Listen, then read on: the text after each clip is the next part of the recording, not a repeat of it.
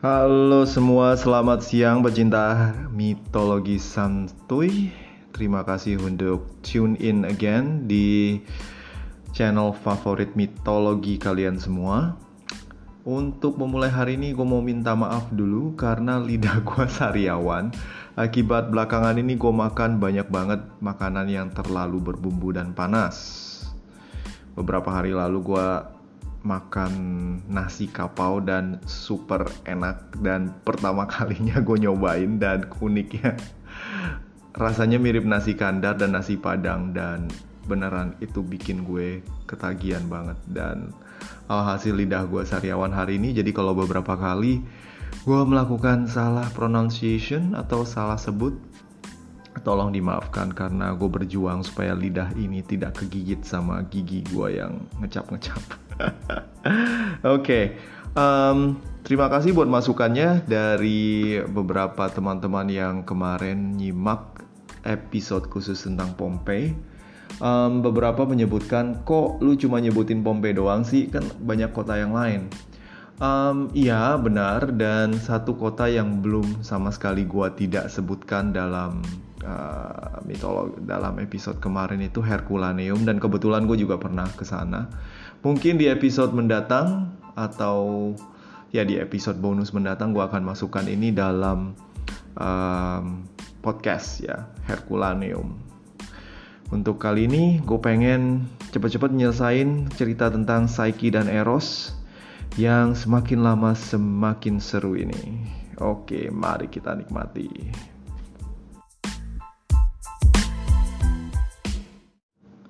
Di episode yang lalu kita tinggalkan um, pasangan Eros dan juga Psyche yang tengah menanti uh, kedatangan anggota baru dalam keluarga kecil mereka. Tampaknya Psyche sedang hamil muda dan dia meminta kepada Eros untuk mendapatkan izin pulang kampung lagi bertemu dengan kedua kakaknya. Niat baik dari um, Psyche ini disambut oleh Eros, namun Eros tetap memberikan suatu peringatan. Kedua kakakmu itu tidak memiliki satu niat yang baik. Ya, keduanya ini bukan orang benar lah. Kayaknya tukang gibah, gosip, dan juga tukang ngirian aja. Jadi hati-hati ya sayang. Kalau kamu sudah ketemu mereka, jangan sekali-kali sebutkan siapa saya Jangan sebutkan kamu menikah di mana, tinggalnya gimana, dan lain-lain. Karena mereka nggak akan ngerti, oke? Okay? Nasihat dari Eros ini mengendap dalam pikiran sang istri. Saiki berpikir, ah mau kasih tahu apa juga Toh sampai sekarang dia tidak pernah bisa melihat wujud dari suaminya yang hanya datang dalam kegelapan itu. Tahu-tahu sekarang udah hamil, gelap-gelapan, hamil, dan sekarang dia minta pulang. Diantar segera oleh sang angin barat, Zephyrus, sampai ke tanah kelahirannya dan bertemu kembali dengan kedua kakaknya, Kalante dan Zona. Dan benar saja apa yang dikatakan oleh sang suami, kalau kedua kakaknya ini benar-benar tidak bisa diandalkan dan kerianya cuma ngegosip aja.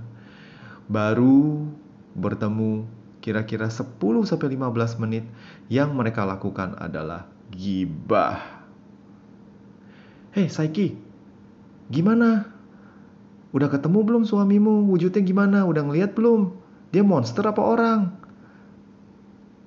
Dia gimana sih? Masa iya lu udah nikah? Wah sekarang juga udah udah ngandung, masih belum punya, uh, belum pernah ngelihat orangnya kayak gimana? Yang bener aja lu, lu kibulin kali. Zona kemudian mengemanas-manasi uh, Saiki dengan berkata, ingat ya, gue dengar dari papa, waktu itu katanya alasan lu bakal dikorbanin ini kan gara-gara lu menyinggung dewa. Dan sekarang lu bakal dikawinin sama monster. Lu belum kena ngelihatnya juga. Lu mesti tahu kalau misalnya mungkin yang lu nikahin ini bukan bener-bener orang loh. Mungkin dia bener-bener monster. Dan dan sekarang jabang bayi lu itu mungkin jabang bayi monster. Lu lu tuh tau film alien kan? Jangan-jangan nanti lu mati gara-gara monster tuh keluar dari perut lu sendiri. Gitu loh. Saiki yang menganggap omongan dari kedua kakaknya ini mengada-ngada mulai berpikir, waduh bener juga ya gue nggak pernah ngeliat nih dia kayak gimana. Gue cuma tahu dia baik sih dan juga kayaknya ganteng deh. Masa iya sih kayak alien? Nggak mungkin lah kayak alien. Gila masa bayi gue kayak alien. Aduh kalau kayak alien resurrection gitu nongol dari perut. Mati dong gua jebol. Karena ketakutan, nasihat dari Eros pun mulai dilupakan oleh sang istri, Saiki. Saiki mulai berpikir, jangan-jangan kedua kakaknya ini ada benarnya. Dia nggak pernah ngelihat suaminya, dia nggak pernah tahu kalau suaminya berwujud seperti apa, dan dulu pernah ada ramalan dari Oracle kalau dia akan menikahi sesuatu makhluk yang lebih kuat daripada Zeus, yang lebih yang bisa menaklukkan segalanya termasuk para dewa. Waduh, gawat. Karena risau dan ragu, kedua kakaknya mulai menanamkan ide-ide yang liar ke dalam pikiran sang permaisuri Eros ini. Nanti kalau lu udah pulang, kalau pas malam dia datang dan minta jatah dari lu, lu kasih aja nggak apa-apa. Tapi lu harus tetap terjaga, jangan tidur setelah itu. Lu coba dalam kegelapan, lu lihat, lu nyalain lampu, lu lihat dia. Kalau dia monster lu tusuk pakai garpu. Kok garpu? Nggak mempan dong dah oh iya juga jangan pakai garpu. Pakai pisau. Lu sembunyiin pisau di balik bantal. Jadi kalau misalnya dia adalah monster lu tusuk aja. Lu lu koyak-koyak badannya sampai dia mati. Ini demi lu juga. Demi lu juga dek. Ide yang Kedengarannya sangat drastis ini namun masuk akal buat Saiki, kemudian diterima mentah-mentah. Jadi ketika Saiki pulang ke istananya, dirinya kemudian mandi, memakai parfum kesukaan Eros dan menunggu Eros datang dalam kegelapan. Lalu Eros dengan nafsu cintanya datang dan kemudian memberikan segala perhatiannya malam itu dalam wujud bekapan asmara. Setelah selesai memadu asmara bersama istrinya, Eros, sang dewa cinta, tertidur. Lalu, Psyche yang masih juga terjaga, kemudian mengambil pisau dan menggunakan menyalakan lampu minyak seperti kebiasaan orang pada zaman Yunani zaman dulu.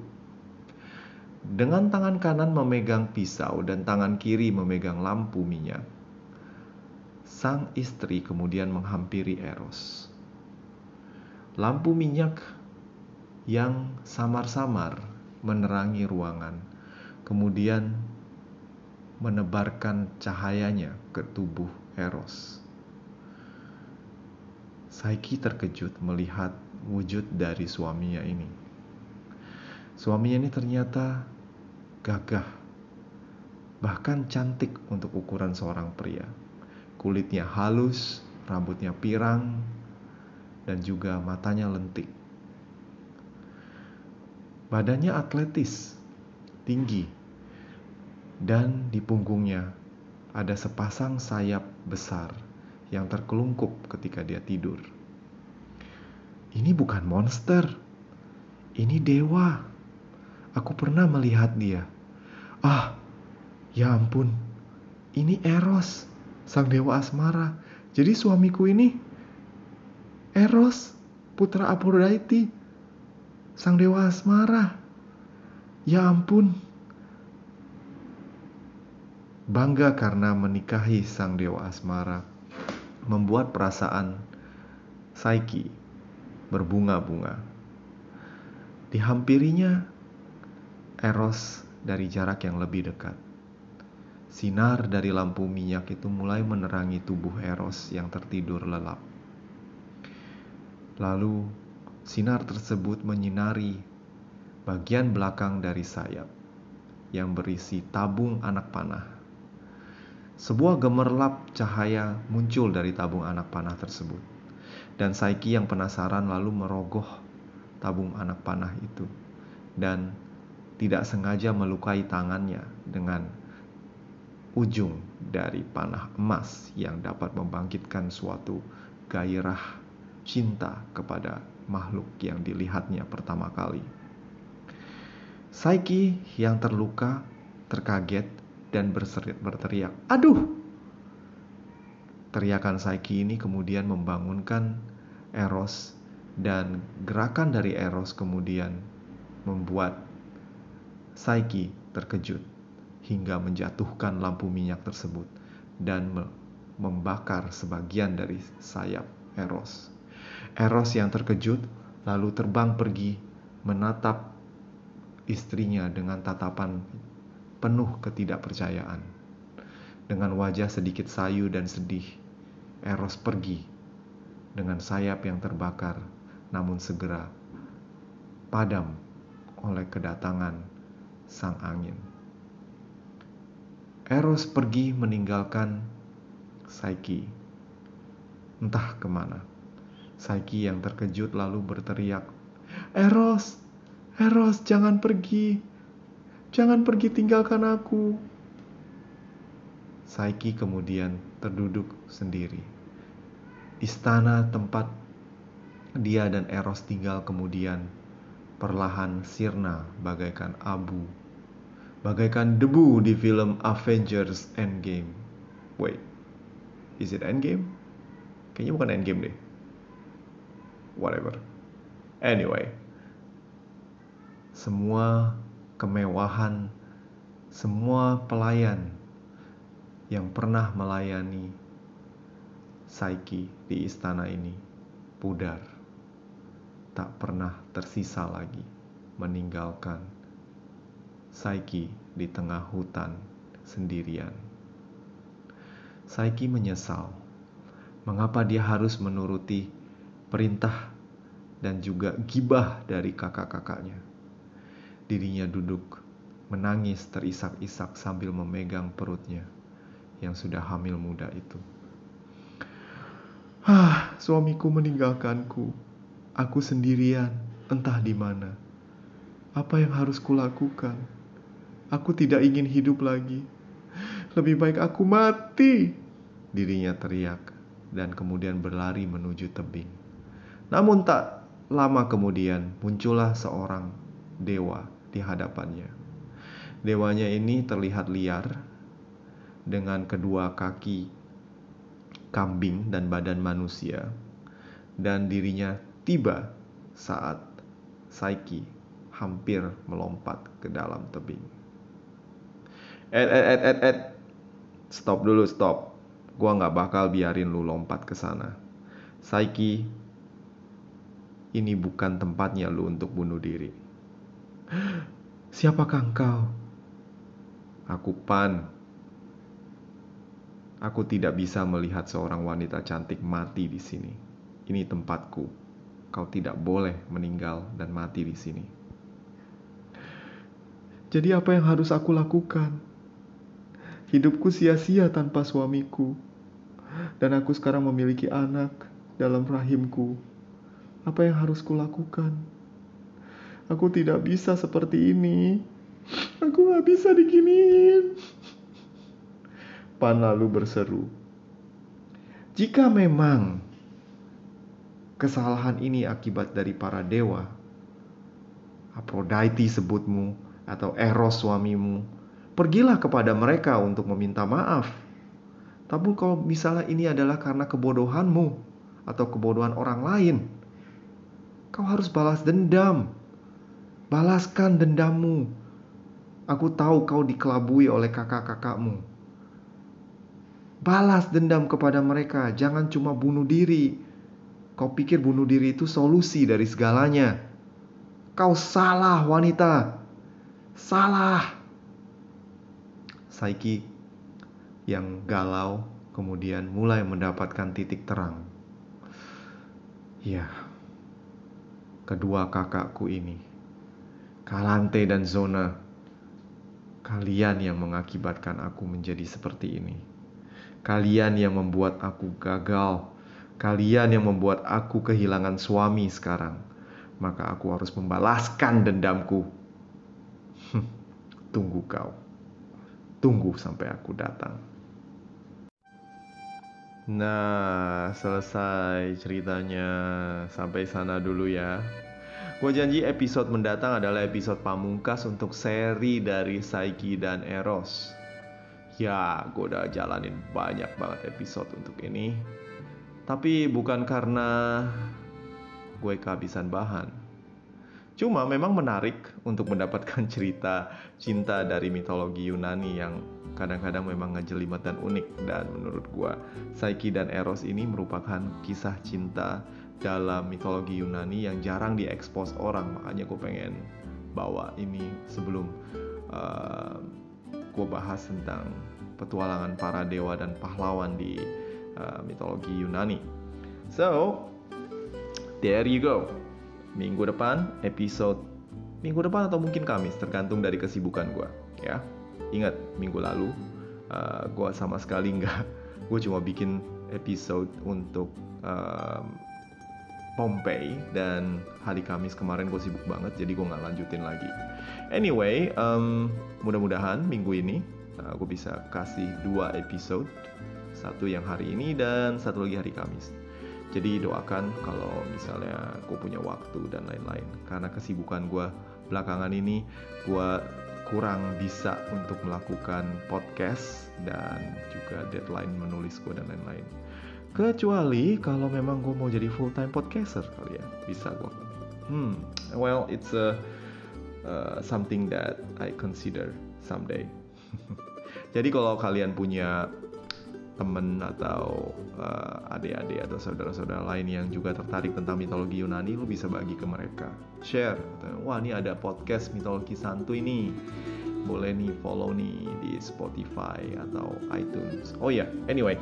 Jadi beberapa hari lalu, gue baru tahu kalau misalnya um, di iTunes um, ada podcast gue mitologi santuy dan di situ bisa kasih rating dan review. Jadi kalau kalian kebetulan uh, dengerin gue di iTunes, tolong kasih review dan juga kasih bintang. Uh, itu benar-benar ngebantu banget ya. Jadi uh, oke okay, apa lagi? Oh, alright. Uh, minggu lalu uh, gue tuh iseng bikin satu uh, polling siapa ya uh, tentang pertanyaan jadi lu bisa ajuin pertanyaan apa apa aja tentang mitologi Yunani ke gue. Dan ada beberapa pertanyaan yang menarik tapi hari ini gue pengen uh, highlight satu pertanyaan dari Junichi. Ya Junichi ini salah satu follower gue di uh, di Facebook page ya. Tadi bertanya tentang kok anak Zeus itu ada berapa sih pertanyaan yang cukup menantang saudara-saudara. Jadi gini, Zeus ya seperti yang gue ceritakan di episode-episode awal, dia memang punya suatu apa ya gairah yang tak terhapuskan, tak bisa dipuaskan. Zeus lu punya banyak banget anak dan yang tercatat menurut mitologi Yunani itu ada 54 di mana 54 anak ini 31-nya itu berasal dari kaum immortal atau dewi atau uh, apa makhluk-makhluk gaib lainnya dan 23 anak yang lain itu manusia. Seperti lu tahu dong, uh, Zeus ini sering menyamar lalu kemudian ngebuntingin uh, cewek-cewek manusia dan berhasil memproduksi anak-anak yang semi-god Coba demigod kok semigod demigod seperti Hercules, Perseus dan banyak tokoh-tokoh pahlawan lain yang merupakan setengah dewa. Nah, eh, bahkan setengah dari isi Olympus itu adalah anak-anak dari Zeus. Contoh, Apollo, Artemis, Hephaestus katanya sih anaknya Hera doang, tapi dalam beberapa uh, versi juga merupakan anak Zeus dan Hera. Ares, lalu um, siapa lagi ya? Dionysus itu juga anak dari uh, Zeus dan banyak dewa-dewa kecil lainnya yang merupakan anak dari Zeus juga. Jadi Ya, seperti itu deh jawaban gue atas pertanyaan Junichi. Dan bagi kalian yang punya pertanyaan juga, lu bisa ajukan pertanyaan tersebut ke email gue di gurukelana007 at gmail.com atau kalau lu pengen interaksi langsung sama gue bisa ke Instagram gue Guru Kelana atau Facebook page gue Guru Kelana. Kalau lu mau baca tentang cerita-cerita jalan-jalan gue, lu bisa hubungi gue di um, gurukelana.com itu website yang udah lama banget. Jadi kalau misalnya kalian pengen baca cerita-cerita gue, silahkan ke sana. Oke, terima kasih buat perhatiannya, buat atensinya. Gue benar-benar appreciate buat penggemar Guru Krana yang sudah makin lama semakin besar uh, subscribernya ini. Gue pengen banget someday kalau memungkinkan gue bisa punya banyak subscriber ngalahin Atta Halilintar. of course gue gak bakal ngejayus kayak dia atau mungkin lebih parah whatever okay so see you all. Have a great one